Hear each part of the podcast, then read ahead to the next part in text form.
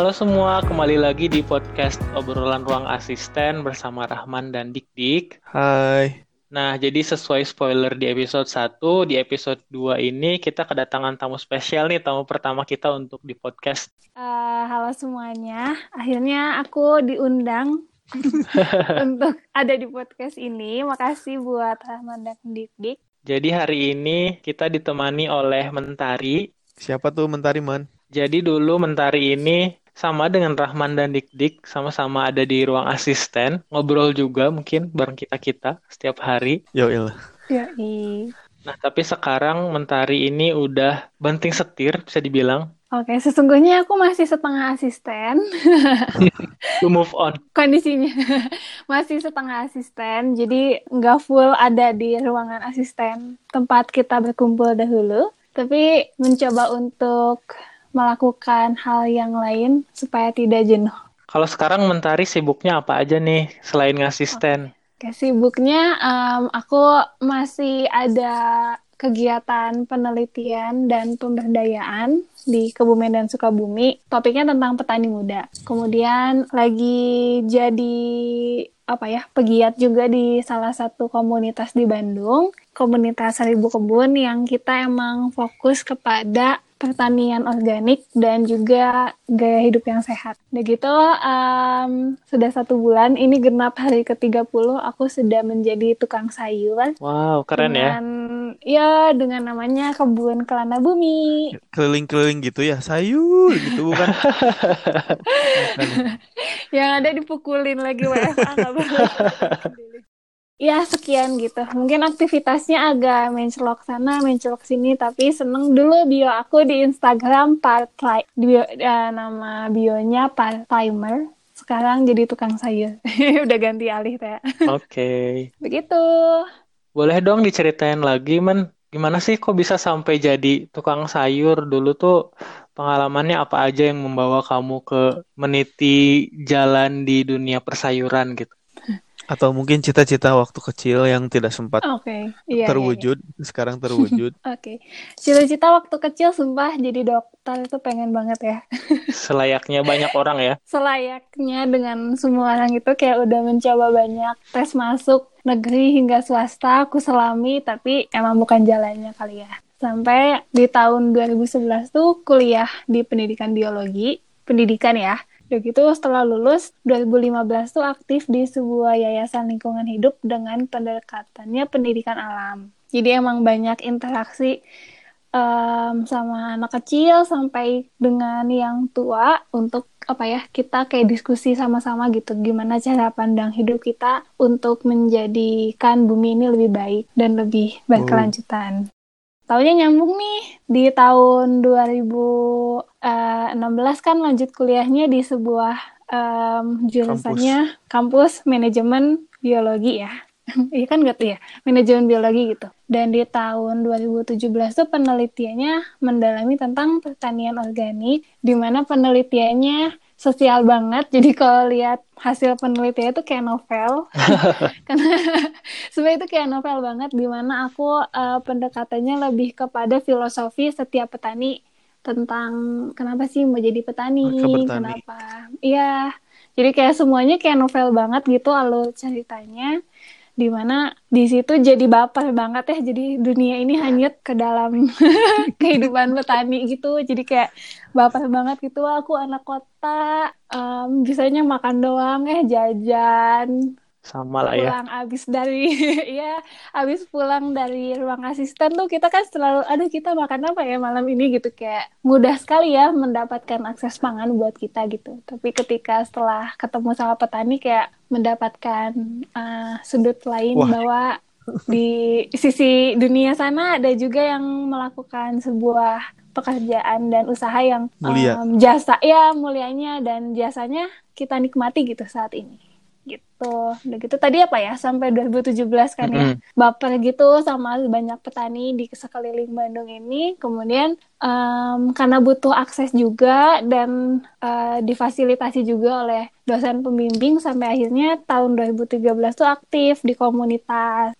Nah, di situ jadi semakin hanyut lagi terhadap dunia, dunia pertanian, dunia organik, dunia gaya hidup tuh jadi semakin hanyut gitu setelah ikut ke komunitas. Jadi ini kayak emang apa ya? sebuah perjalanan weh, hasil kelana hidup mentari sampai akhirnya yang paling bikin aku melihat itu di tahun 2019 tuh tahun lalu um, ada penelitian yang mengharuskan tim kami ini buat sebuah model bisnis uh, gimana sih cara jualan sayur yang lebih efisien. Nah di situ bikin sistem tapi nggak punya pengalaman kan malu ya. Jadi kayak based on teori kayaknya gini, kayaknya gini. Tapi kayaknya aku mesti coba juga gitu. Apakah sebenarnya ini efisien atau enggak gitu. Nah di situ kayaknya wah nggak ada salahnya ya. Kayaknya ini aku coba juga deh dengan sistem di kota kayak gini gitu. Panjang ya ceritanya pokoknya panjang banget deh. Intinya ya gitu.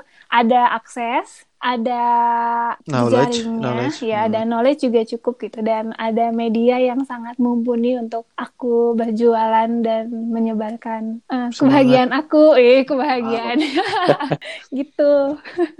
Luar biasa ya mentari ini. Ada gitu Teman-teman panjang sangat ya. Aduh aku deg-degan juga nih ditanya di Kenapa coba? Jadi kan setelah perjalanan yang panjang, kamu berkelana mencari satu nilai ke nilai yang lain, pengalaman satu ke pengalaman yang lain, lalu akhirnya bermuara di kebun kelana bumi gitu ya. Betul. Nah, jadi apa sih? Coba dijelasin kebun kelana bumi itu apa sih? Gitu. Ini pertama kali aku tempat aku menjelaskan ada yang nanya kebun kelana Bumi. Emang biasanya ditanyanya apa? Ditanya jualan apa, bukan kebun kelana Bumi itu apa. Em, kalau aku ini perdana ya, aku aku coba rangkai bahwa kebun kelana bumi ini adalah sebuah tempat singgah untuk belajar dan berpikir dengan holistik. Mantap. Gitu. Jadi Apa emang itu? jadi emang apa ya? Mungkin aku basicnya bukan orang yang suka jualan kali ya. Hmm. Em, bukan orang yang tipe jualan dapat profit eh, hidup enak gitu. Kayaknya bukan tipe aku nggak nggak ke situ meskipun secara apa ya tapi di sisi lain tuh aku ngelihat bahwa ada banyak edukasi yang selama ini perjalanan ini aku dapatkan kayak nggak ada salahnya untuk bisa dibagikan sama banyak orang gitu.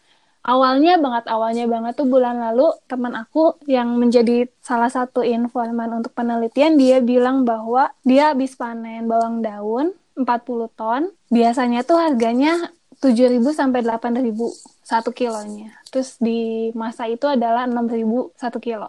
Dia bilang gitu kan kayak ini sedih banget kayaknya cuma balik modal gitu. Setelah 1 sampai 2 bulan menanam bawang daun. Di waktu yang sama tuh aku belanja ke sebuah supermarket ternama di kota Bandung gitu. Bawang daun tuh harganya 33.000 Per kilo. satu kilonya gitu Em, itu mungkin harga supermarket ya pasti agak lebih tinggi gitu tapi aku melihat supermarket yang lebih lebih low lebih low profile gitu harganya nggak semahal seperti biasanya itu tuh di, tetap aja di 25 gitu jadi kayak jauh banget gitu aku nggak akan terlalu bahas rantai pasok yang sangat kompleks ya di sini ya karena itu Bisa satu um, kuliah itu. cukup bisa satu kuliah dan tidak mau menyalahkan siapa pun gitu. Nah, terus teman aku sih awalnya bilang, e, men jualin dong ke Bandung gitu. Sesederhana itu dia bilang sama aku kayak gitu. Ya nggak ada salahnya juga sih. Lagian di momen itu kan kita udah mulai WFH ya. Jadi kayak wah ya juga sih sambil ngisi waktu luang gitu boleh aja gitu. Nah di situlah akhirnya kita oke kita akan jualan. Kita bikin kebun kelana bumi gitu. Jadi mungkin yang bikin beda juga sebetulnya si kebun kelana bumi ini ya bukan punya kamu gitu kan lahannya. Ini tuh kamu jadi kayak Iya, pengepul lah gitu. Tapi langsung tengkulak yang baik hati. tapi langsung dari petaninya gitu kan. Iya, betul. Bang, si sistemnya Betul. kayak apa sih sehingga menjadi spesial? Sistemnya. Kita mulai di hulu dulu kali ya, sistemnya. Apa yang terjadi. Jadi ini kayak sistem aku eh kami mencoba untuk membuat sistem yang paling adil dan mensejahterakan banyak pihak. Kalau di bagian hulunya, aku kerjasama ada satu tim namanya Sahila. Dia teman aku dari zaman kuliah di pendidikan biologi, jadi emang kayak teman dekat banget. Dan ayahnya itu menjadi informan waktu aku penelitian. Jadi emang sudah sangat mengenal baik. Awalnya tuh kita coba bulan lalu tuh kita rencanakan em, akan kirim banyak sayur ke Bandung. Kita trial nih seminggu, gimana sih penjualannya, bagus atau enggak. teman aku tuh mengumpulkan banyak sayur termasuk dari kebun ayahnya. Tapi karena kebetulan teman aku sudah ini sudah berkeluarga, sudah punya bayi, jadi kan um, pekerjaannya lumayan banyak di sana. Jadi akhirnya dia melibatkan uh, murid-muridnya, santri di sekolahnya, karena WFH juga kan ya nggak ngapa-ngapain, jadi kayak mereka lah yang membantu gitu. Um, tolong cariin keciwis, tolong cariin kol, wortel dan segala macam tuh sama si santri-santri ini gitu. Yang di mana aku tuh kaget uh, buat nyari keciwis sama buat dapetin wortel tuh kayak sejam dari lokasi dengan jalan yang berbatu melewati kebun teh.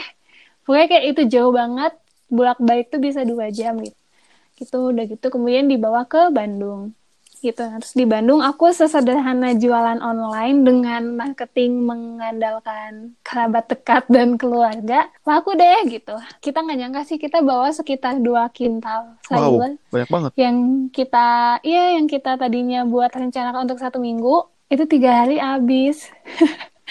jadi kita lanjut lagi deh. Jadi sampai hari ini kita bisa seminggu dua sampai empat kali pengiriman wow. sayuran ke rumah. Awalnya iseng gak sih jadi jadi gak nyangka. Jadi manjang gitu gak sih? Gak seiseng itu sih karena uh, mungkin bisa cerita lagi ya latar belakang. Aku tuh lebih interest di sebuah pertanian organik yang sustainable hmm. ya sesungguhnya. Jadi ketika teman aku bilang jualin dong, itu uh, idealis aku bergejolak ya kayak, aduh jualin yang konvensional gitu kan. Kayak branding aku tuh organik banget ya. Kayak Personal brandingnya udah kuat ya, ya soalnya mentari ini. Iya, kayak mengkampanyekan kepada banyak orang untuk makan yang organik, tapi itu aku jualan konvensional gitu. Itu kayak butuh waktu aku beberapa hari sih untuk kayak memastikan bahwa apakah ini um, Dosa. yang aku inginkan atau tidak ya gitu. Terus sempat ada kayak wah judgement orang di luar sana kayak apa ya kalau aku kayak gitu kan pasti ya ada ya kayak gitu ya. Kayak takut citra baik ini rusak gitu kan. Gitu emang sempet kayak banyak pikiran yang kayak gitu. Tapi aku bilang ke teman aku tuh ke Sahila bahwa sayurnya kalau kamu jual konvensional harga di Bandung rendah aku bilang gitu kalau mau penjualan kamu lebih baik harganya tidak ditentukan oleh tengkulak ayo kita jualannya yang um, lebih alami di mana kita bisa menentukan harganya sendiri. Aku bilang kayak gitu dia open gitu. Ayo aja boleh kita coba. Nah, kebetulan lahannya emang lumayan luas. Jadi emang kita rencananya setelah puasa ini mau trial nih sekian petak untuk kita coba dengan sistem yang uh, lebih alami gitu tanpa pestisida kimia dan yang lain-lainnya gitu. Udah oke okay juga karena emang pas gitu loh di momen biasanya nih di momen lebaran kayak gini petani itu semuanya panen. Hmm. Uh, jadi setelah setelah um, rencana kami itu setelah panen kentang ini tanahnya sebagian nggak akan langsung ditanam sama yang lain. Biasanya kan udah kentang tuh biasanya lanjut ke wortel atau bawang daun ya. Nah itu kita skip. Jadi kita coba untuk pelan-pelan um, sih rotasi siapin lahan buat ke pertanian yang lebih alami gitu. Cuma emang karena kondisinya kayak gini ya, nggak mungkin aku sama salah selama sebulan ini belum pernah datang ke lokasi. Jadi kayak selama ini jarak jauh aja gitu um, itu rencana kami yang akan kami obrolkan selanjutnya setelah nanti Idul Fitri gitu. Nah isengnya ya udah kita coba dulu aja jualan dengan produk yang ada gitu. Eh ternyata um, sampai segininya udah satu bulan gitu. Kayaknya wah ini menguatkan kami untuk tetap melanjutkan kelana bumi. Gitu. Tapi itu berarti basisnya itu yang paling kuat sebetulnya adalah trust gitu. Jadi kayak um, Mentari sama temannya Mentari itu sama-sama saling percaya bahwa Mentari bisa tolong jualin. Terus ya orang-orang yang beli dari Mentari juga percaya bahwa oh ini kualitasnya oke okay, gitu kan. Dan masih sesuai dengan idealisme Mentari lah gitu kan meskipun ada yang dikorbankan ya nggak sih? Uh, benar.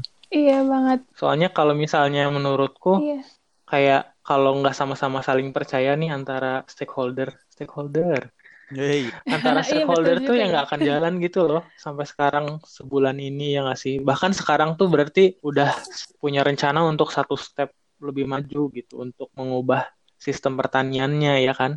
Mm-mm. Tapi kalau yeah. kalau boleh menimbrung nih, aku juga kan pernah baca beberapa uh, studi yang uh, berbicara tentang ya se seputaran pertanian organik lah ya. Ada salah satu studi oleh uh, salah satu dosen yang aku kenal secara pri pribadi tentang jejaring pangan alternatif yaitu sistem-sistem lokal gitu yang dibuat oleh sebu sebuah masyarakat yang modal utamanya itu adalah kepercayaan sebenarnya. Basisnya itu komunitas. Di di beberapa kalangan tertentu. Mungkin sebenarnya semangat ini juga yang jadi apa ya bahan bakar kali ya untuk kelana bumi bisa eksis sampai se, se mengejutkan itu dalam satu bulan bisa menjual banyak banget sayur gitu ya mungkin. Setuju banget bahwa kepercayaan itu emang salah satu kunci ya. Adalah kunci. Kepercayaan adalah kunci. Tapi aku melihat juga bahwa aku tuh nggak punya kapasitas untuk bertani secara budidaya ya. Hmm. tuh aku nggak bisa. Kalau cuma nanam-nanam dalam pot gitu oke. Okay. tapi kalau udah skala budidaya tuh aku nggak punya um, keahlian itu. Um, itu adalah keahliannya Sahila dan uh, timnya di sana. Dan keahlian aku di sini gitu. Aku punya akses aku punya jejaring aku punya media di mana kita jadinya saling percaya aja gitu. Aku percayain kepada teman aku bahwa kualitasnya sayurnya QC-nya jenisnya itu udah aman di dia terus dia percaya sama aku gitu. Jadi kayak estafetnya emang sangat terjadi banget gitu di antara kita berdua. Um, mungkin karena kami punya sebuah misi kita punya um, punya cerita bahwa ada di balik sayuran yang akan sampai ke, teman-teman konsumen tuh di baliknya ada sebuah proses dan itu yang lah pengen kami pengen ceritakan. Nah, cerita itulah yang dipercaya sama teman-teman bahwa dengan membeli sayur di kami itu akan berdampak baik juga kepada yang lain gitu. Bahkan kita juga nggak nyangka ya di bulan Ramadan ini um, dampak kepercayaan itu juga jadi sangat tinggi gitu. Kita terima kepercayaan dari konsumen itu sangat tinggi. Jadi ada beberapa temen yang um, pengen donasi, donasi kayak sodakoh ke panti, sodakoh ke kebun binatang, sodakoh ke teman-teman di ojek online itu via kami gitu. Jadi kayak penyalur kepercayaan juga gitu. Jadi kayak ini kepercayaan ini sudah sangat luas gitu loh. Gak nyangka bisa sampai segitunya. Um, yang mengejutkan juga tuh uh, karena ini kebayangnya untuk minggu dua minggu awal tuh kita hektik banget untuk bikin sistem tapi kita nyiapin juga buat branding kit medianya. Dulu sempat bikin akun Instagram Kelana Bumi gitu di dua minggu awal belum ada post sama sekali. Logo juga logo cuma tulisan logo Kelana Bumi gitu sederhana kita cuma update IG story aja, stok update tiap harinya, tapi itu yang nge-view-nya sampai 900 orang profile visit. Aku nggak wow. ngerti itu siapa yang lihat. Kita nggak ngapa-ngapain gitu kayak ah ini apaan? gitu. Kayak notifnya banyak banget karena orang banyak yang visit gitu. Jadi kayak emang aku belum bisa klaim bahwa ini adalah sebuah bisnis yang sosial. Karena aku merasa ini masih terlalu dini untuk mengatakan bahwa ini adalah bisnis sosial tapi kita bisnis yang punya niat baik kayaknya menarik sih kalau aku perhatikan berarti kamu tuh sangat memperhati kamu tuh sangat memikirkan siapa-siapa saja yang terlibat di dalam cerita tadi ya. Jadi dari farm to table tadi tuh banyak banget ceritanya dan kamu tuh ingin address semua orang yang ada di sana. Kalau aku boleh sambung-sambungin, sebenarnya itu kan kayak kita me mengecek ketelusuran, terus membuat semua nilai tambah itu menjadi adil untuk semua orang. Nah, bagaimana sih kamu memastikan semua orang yang ada di dalam cerita itu punya punya manfaat yang bisa didapatkan gitu? Hmm, aku pengen cerita juga sih di awal. Um, ternyata kan aku percayakan nih kepada teman aku gitu. Pokoknya um, aku tahu barang datang ke rumah aku untuk prosesnya aku percayakan sama dia gitu. Aku aku tuh nggak nyangka bahwa dia melibatkan santri itu untuk menjelajahi kecamatan untuk mendapatkan sayurnya. Um, di awal aku nanya dong, itu anak-anaknya dapat uang nggak sih gitu ya? Effortnya kan lumayan nih untuk keliling-keliling kebun um, kami menyangka bahwa uh, setiap sayur yang kita beli itu dia dapat margin. Hmm. Tapi ternyata setelah dilihat nggak dapat, mereka nggak ngambil gitu. Suka Sejujur rela, itu juga suka rela banget gitu. Jadi kayak jadi kayak ikhlas aja gitu. Aku bantuin, sok dikasih berapa aja tuh nggak nggak ngeluh gitu. Pokoknya aku bantuin, sisanya dikasih uang jalan, uang apa gitu ya sedikasihnya gitu kita kita tadinya ya udah aman gitu ya udah harga segitu kita beli nggak usah mikirin anaknya gimana karena ya udah suzon kita tuh tadinya ya udah udah ngambil untung juga kok ternyata kalau dilihat kok harganya nggak mungkin ya kalau anaknya ngambil untung nggak mungkin harga nyampe ke kita segini gitu. Karena itu harga petani. Akhirnya kita kasih uang tuh anaknya gitu. Kayak kita juga nggak nggak mungkin ya nggak ngasih gitu. Jadi kayak di step pertama kita udah ngasih ke anaknya untuk uang lelahnya gitu. Nah yang kedua setiap kita coba sih setiap petani itu menawarkan sayurnya kita nggak tawar gitu. Nggak ada istilah kayak hah di pasar kan lagi segini kayak kok mahal banget sih jualnya itu kita nggak sangat tidak mencoba untuk uh, tidak ada kata-kata itu ke petani gitu. Misalkan nih pucuk labu tuh aneh ya di Bandung tuh kayak dikit deh yang jual pucuk labu. Di banyak tempat tuh pucuk labu dimakan. Sedangkan kalau kita nanam labu itu tuh pucuknya kan nggak akan berhenti tumbuh kan ya. Kayak menjalar ke mana-mana gitu. Nah dia menjual labu dengan pucuk labunya dengan labu yang kecil sampai labu yang gede gitu kan sebenarnya kalau QC orang tuh ya aku cuma bisa menjual pucuk labu ya udah aku akan membeli pucuk labunya saja tanpa membeli buah labunya gitu. Tapi kita mencoba untuk menolong juga gitu. Karena pucuk labu tuh harganya nggak seberapa tapi kalau kita beli tuh lumayan gitu membantu petaninya gitu. Um, kemudian juga beberapa petani tuh jualnya nanggung. Kayak cuma punya tomat 5 kilo ya udah nggak apa-apa kita beli gitu. Karena kita tahu juga kalau misalkan dia jual 5 kilo ke pasar itu tuh harganya jatuh banget. Hmm. dan kalau dia jual 5 kilo ke bandar nggak akan dibeli gitu. Kayak bandar itu nggak butuh tuh butuhnya minimal skala kuintal gitu. Kan kalau petani dia tumpang sari kan toh kalau misalkan di antara sudut kentang tuh ada tomat itu kan lumayan ya nambah penghasilan yeah, yeah, yeah. buat dia Nah, itulah yang coba kita kami bantu di sisi bagian itu. Kita nggak punya uang kayak bandar ya, gila ratusan juta gitu sekali panen. Kita nggak punya, tapi kalau kita menampung yang kecil-kecil itu kita masih bisa bantu. Itu sih yang coba kita untuk katakan adil. Termasuk adil di distribusi gitu. di Bandungnya nggak sih? Maksudnya ke kamunya juga, oh, iya. terus orang-orang yang bantuin kamu di Bandung, itu gimana ceritanya? Oh iya Nah, ini lebih lebih ramai juga sih begitu sudah sampai Bandung ya di hiruk pikuk kota ini. Um, tentu saja kita tentu dapat profit ya karena kita juga punya biaya operasion, operasional yang cukup lumayan. Um, ke satu operasional akomodasi dari Kertasari ke Bandung tuh dua jam lah. Meskipun ini agak footprintnya lumayan ya dua jam gitu untuk jalan ke sini. Kemudian kita coba packagingnya uh, tanpa plastik ini costnya lumayan uh, bisa sampai tiga dan tiga empat kali lipatnya dibandingin kalau orang yang jualan sayur pakai plastik. Lebih mahal pakai kertas. uh, eh, non plastik iya. Hmm. gitu. Itu kita juga butuh waktu trial ya untuk dapat kertas yang emang cocok untuk dijual sayur. Karena kan ada beberapa yang dia agak lembab ada yang kalau beli kentang orang biasanya di atas 3 kilo kan jadi kayak yang mesti kuat gitu. Kita mesti trial juga di situ jadi costnya emang lumayan. Kemudian um, aku sempat pengalaman sih beberapa kali beli sayur atau beli online itu mahal banget di ongkosnya karena dia pakai aplikasi.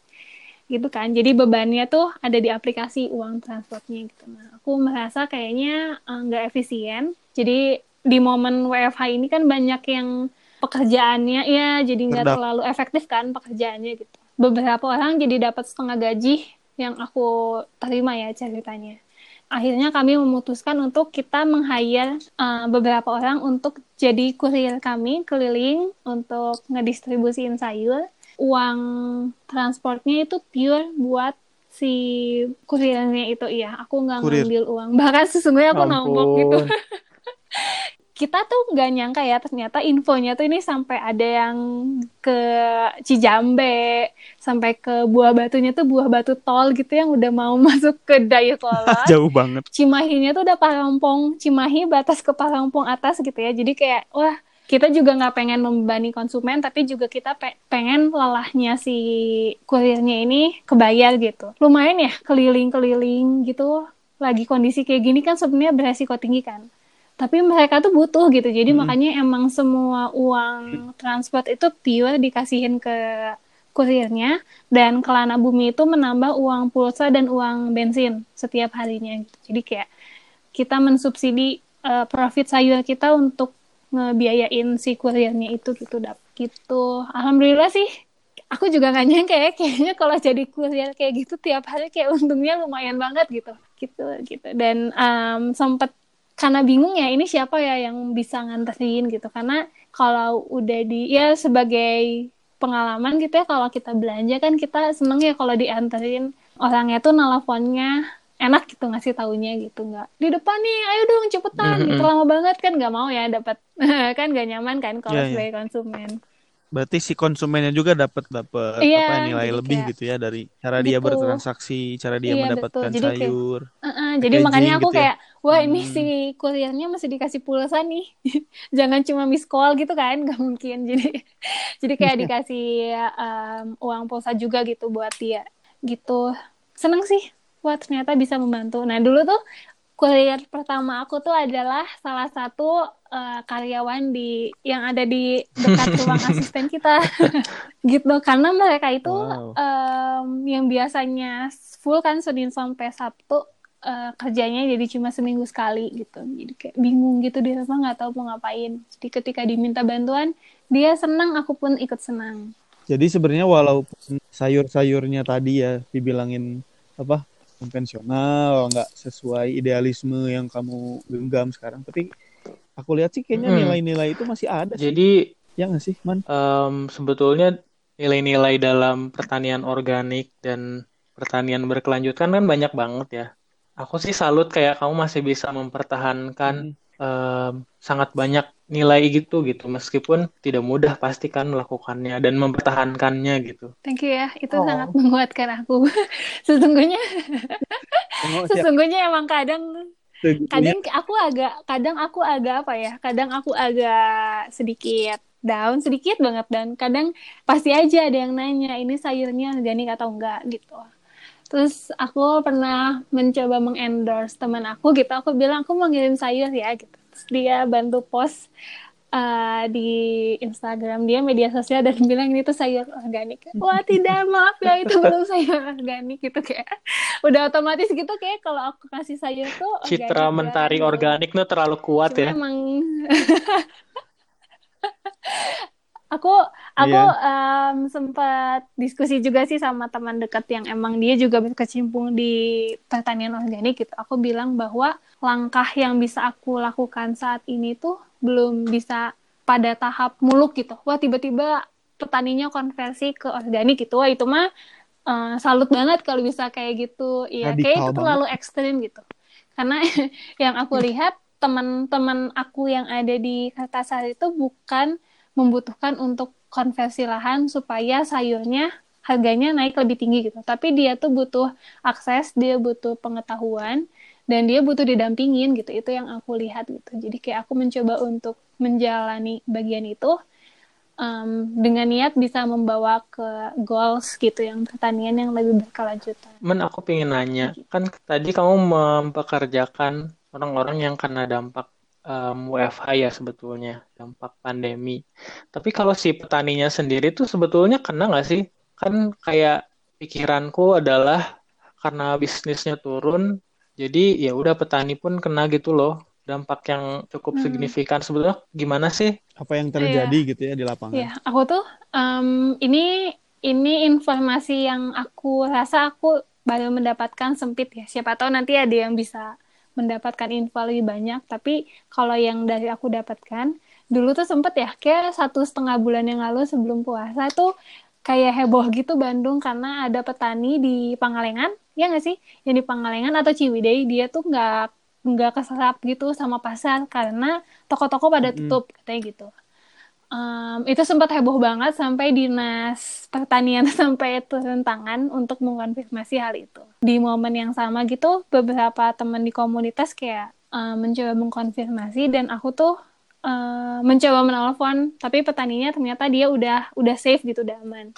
Nah, untuk memastikan yang lain tuh kebetulan aku menghubungi petani-petani yang dulu jadi eh, informan penelitian gitu. Di mana itu kayak tiga petani aku hubungin, ada yang eh, di Lembang, di Kertasari, sama di Ciwidey gitu. Kayak tiga sentra yang ada di Hmm. Kabupaten Bandung.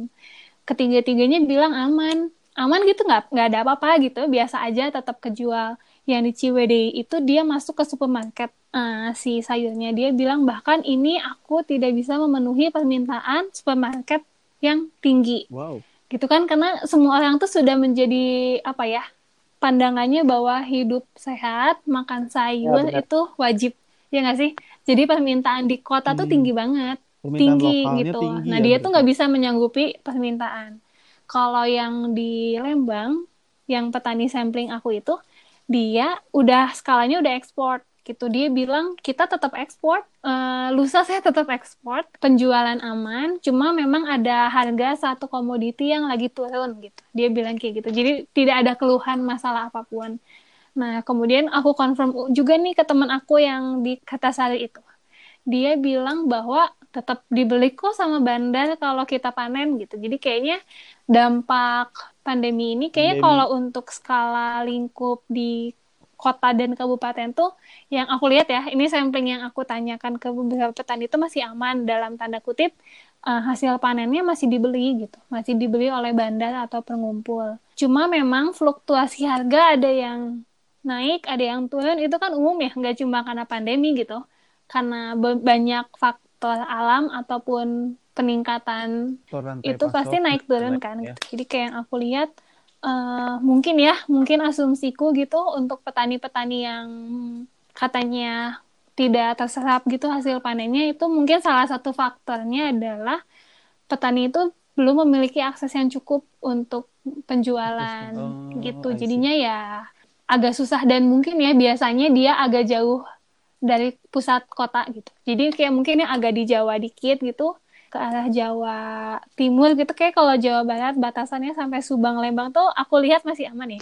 Mungkin kalau udah agak ke sana ke arah em, timur dikit mungkin kayaknya agak lebih susah karena distribusi akses permintaan kayak nggak setinggi di Bandung. Itu sih yang aku lihat selama satu bulan ini. Nah, jadi pa- udah panjang banget cerita dari hulu ke hilir, kisah kebun Kelana Bumi yang dikelola Mentari ini. Sejauh ini ada apa ya? Ada nilai-nilai yang kamu dapat nggak sih? Kan kamu juga pasti mengalami proses belajar ya. Kira-kira kalau misalnya refleksi diri gitu, apa sih yang kamu dapatkan? salah satu titik alasan ya kenapa aku kayak pada titik oke ini aku mau jadi jualan sayur itu em, sahabat dekat teman dekatku tuh mengatakan bahwa kamu tuh punya akses kamu punya kapasitas dan kemampuan dalam hal ini gitu tapi kamu tuh masih tanda kutip bekerja di sana sini gitu terus dia juga aku yang paling inget sih dia bilang bahwa sampai kapan kamu melakukan hal di atas rencana orang lain gitu. Padahal kamu tuh bisa merencanakan hal yang lebih besar. Gitu gitu. Wow, deep Titik-titik yang paling bikin aku selalu ada apa ya? Titik balik aku tuh selalu ada di omongan itu. Kemudian value yang emang pengen aku bagiin gitu ya buat teman-teman yang beli sayur ke Kelana Bumi itu bahwa di setiap sayur gitu yang kita olah, yang kita makan tuh emang di balik itu tuh ada perjuangan dan ada kebahagiaan petani. Di satu sisi kita bisa mengemas hal itu, di satu sisi juga kita bisa melihat bahwa untuk mencapai sebuah keberlanjutan gitu sustainable farming, aku melihat bahwa ada proses tahapan yang harus dilalui gitu. Bukan tiba-tiba ekstrim radikal gitu ya. Oke, kita semua pindah eh, haluan nggak ada lagi chemical, nggak ada lagi monokultur gitu. Jadi ya, itu kalau misalkan kayak seorang presiden pun nggak bisa gitu ya bilang kayak gitu ke petani gitu. Um, butuh proses dan tahapan gitu. Jadi yang aku lihat bahwa organik itu baik, tapi untuk menjadi baik nggak selalu melalui tahapan organik gitu. Jadi kayak kita pelan-pelan aja yuk keren, sama-sama keren. gitu. Begitu. Kehilangan kata-kata. biasanya aku bacet. Iya, mungkin Dik-Dik tahu banget kali ya. Mungkin Dik-Dik tahu Terlalu- banget karena um, di momen penelitian itu Dik-Dik banyak mereview apa ya hasil penelitian aku gitu. Mungkin Dik-Dik punya komentar atau sesuatu hal yang bisa direlatekan dengan suatu teori atau hal lain. Jadi sebenarnya kalau kalau aku lihatnya ya kasus Mentari ini sangat menarik untuk di, dibagikan sih karena di luar apa ya aku kenal dia secara personal tapi apa yang dia apa sih apa yang dia usung gitu apa yang dia tulis itu akhirnya aku bisa melihat sendiri itu menjadi sebuah sebuah manifestasi yang nyata gitu. Apa-apa yang dia tulis sebagai sebuah nilai lalu dia tuangkan ke dalam sebuah project aku sih amazed aja gitu. Merasa jadi uh, titik balik juga ke diri sendiri emang aku udah ngapain ya dengan apa yang udah aku pikirkan terus tuliskan apakah menjadi sebuah manifestasi yang nyata atau enggak gitu sih. Merinding aja sih ngomongnya gitu gimana? Tapi gitu. tapi itu sumpah ya itu menjadi itu menjadi titik titik apa ya menjadi titik yang selama ini menggaung dan menggelisahkan aku selama dua tahun gitu. Para petani bapak-bapak petani itu ya lima petani terutama informan aku tuh dia yang tanda kutip bikin aku memiliki gelar pada sekarang ini kan dia yang tanda kutip meluluskan aku kalau aku nggak ketemu mereka, mereka nggak punya cerita yang baik tuh kayak aku nggak akan lulus gitu. Jadi selalu menjadi pergolakan batin gitu. Oke, aku lulus, aku punya gelar, aku bisa berkelana ke mana pun gitu. Apa sih yang aku bisa kasih buat mereka gitu atas hal yang kebaikan yang mereka lakukan gitu. Jadi kayak akhirnya ketika berarti udah berapa tahun. tahun ya aku lulus kayak dua tahun ya dua tahun yang lalu tuh dua tahun yang lalu tuh kayak akhirnya aku menemukan jalan bahwa oh ini hal yang sesungguhnya bisa aku lakukan gitu setidaknya untuk membalas kebaikan petani yang selama ini udah aku dapatkan uh. Langsung bapak gitu. Keren banget keren uh. banget keren banget. Mungkin ini kali ya pengalaman pengalaman jualan. Maksudnya konsumen setelah mendapatkan kayak gimana boleh, kali boleh, ya boleh. mungkin satu lagi sebulan ini. Aku ada cerita nih kayak aku nggak nyangka sih dapat dapat pengalaman selama satu bulan ini. Jadi oh sebelumnya emang kita untuk di Hulu tuh ada teman aku tuh Sahila yang handle. Pokoknya dia pokoknya bersahabat dengan para petani dan santri. Kemudian di sini di Bandung tuh aku jadi admin, megang media sosial, megang apa lagi ya? Megang promosi gitu nge-endorse teman-teman.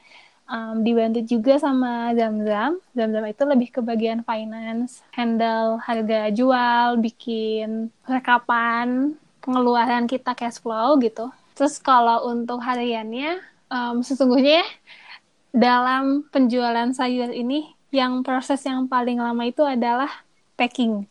Jadi kita tuh karena timbangannya masih satu ya, timbangan digital masih satu tuh kebayang kalau satu hari kita bisa dapat pesanan misalkan 50 kilo tuh timbangnya cuma satu. Kemudian kita mesti packing di mana kita packingnya pakai kertas kan. Jadi kita nggak bisa nyatuin banyak hal Uh, misalkan kalau ada bawang yang nggak bisa disatuin sama kentang gitu. Jadi kayak kita kita packing satu-satu itu butuh proses uh, cukup lama, tapi itu sangat menyenangkan gitu. Kayak kita sebuah kepuasan bisa packing nggak pakai plastik. Itu seneng banget. Um, dan ada cerita tambahan juga gitu ketika sayurnya udah nyampe ke konsumen. Jadi ada apa ya? Ada sesuatu yang spesial yang pengen kita kasih buat ke konsumen Kalana Bumi. Kita tuh ngasih surat cinta gitu buat teman-teman di sana di ceritanya di di surat itu atau intinya kita mau say thank you gitu bahwa setiap konsumen beli itu gitu ada yang berbahagia sekali bukan cuma kelana bumi tapi juga petani-petaninya. Nah, um, jadi tuh um, so, apalagi ini bulan puasa gitu ya, ada teman-teman yang pengen ngasih hampers, teman-teman yang pengen dibantu bayar fidyah, um, kan biasanya kalau bikin hampers atau mau ngasih sesuatu kan kita bikin surat masing-masing ya nggak sih? Kita kayak custom pengennya tulisannya kayak gini. Nah ini tuh enggak gitu.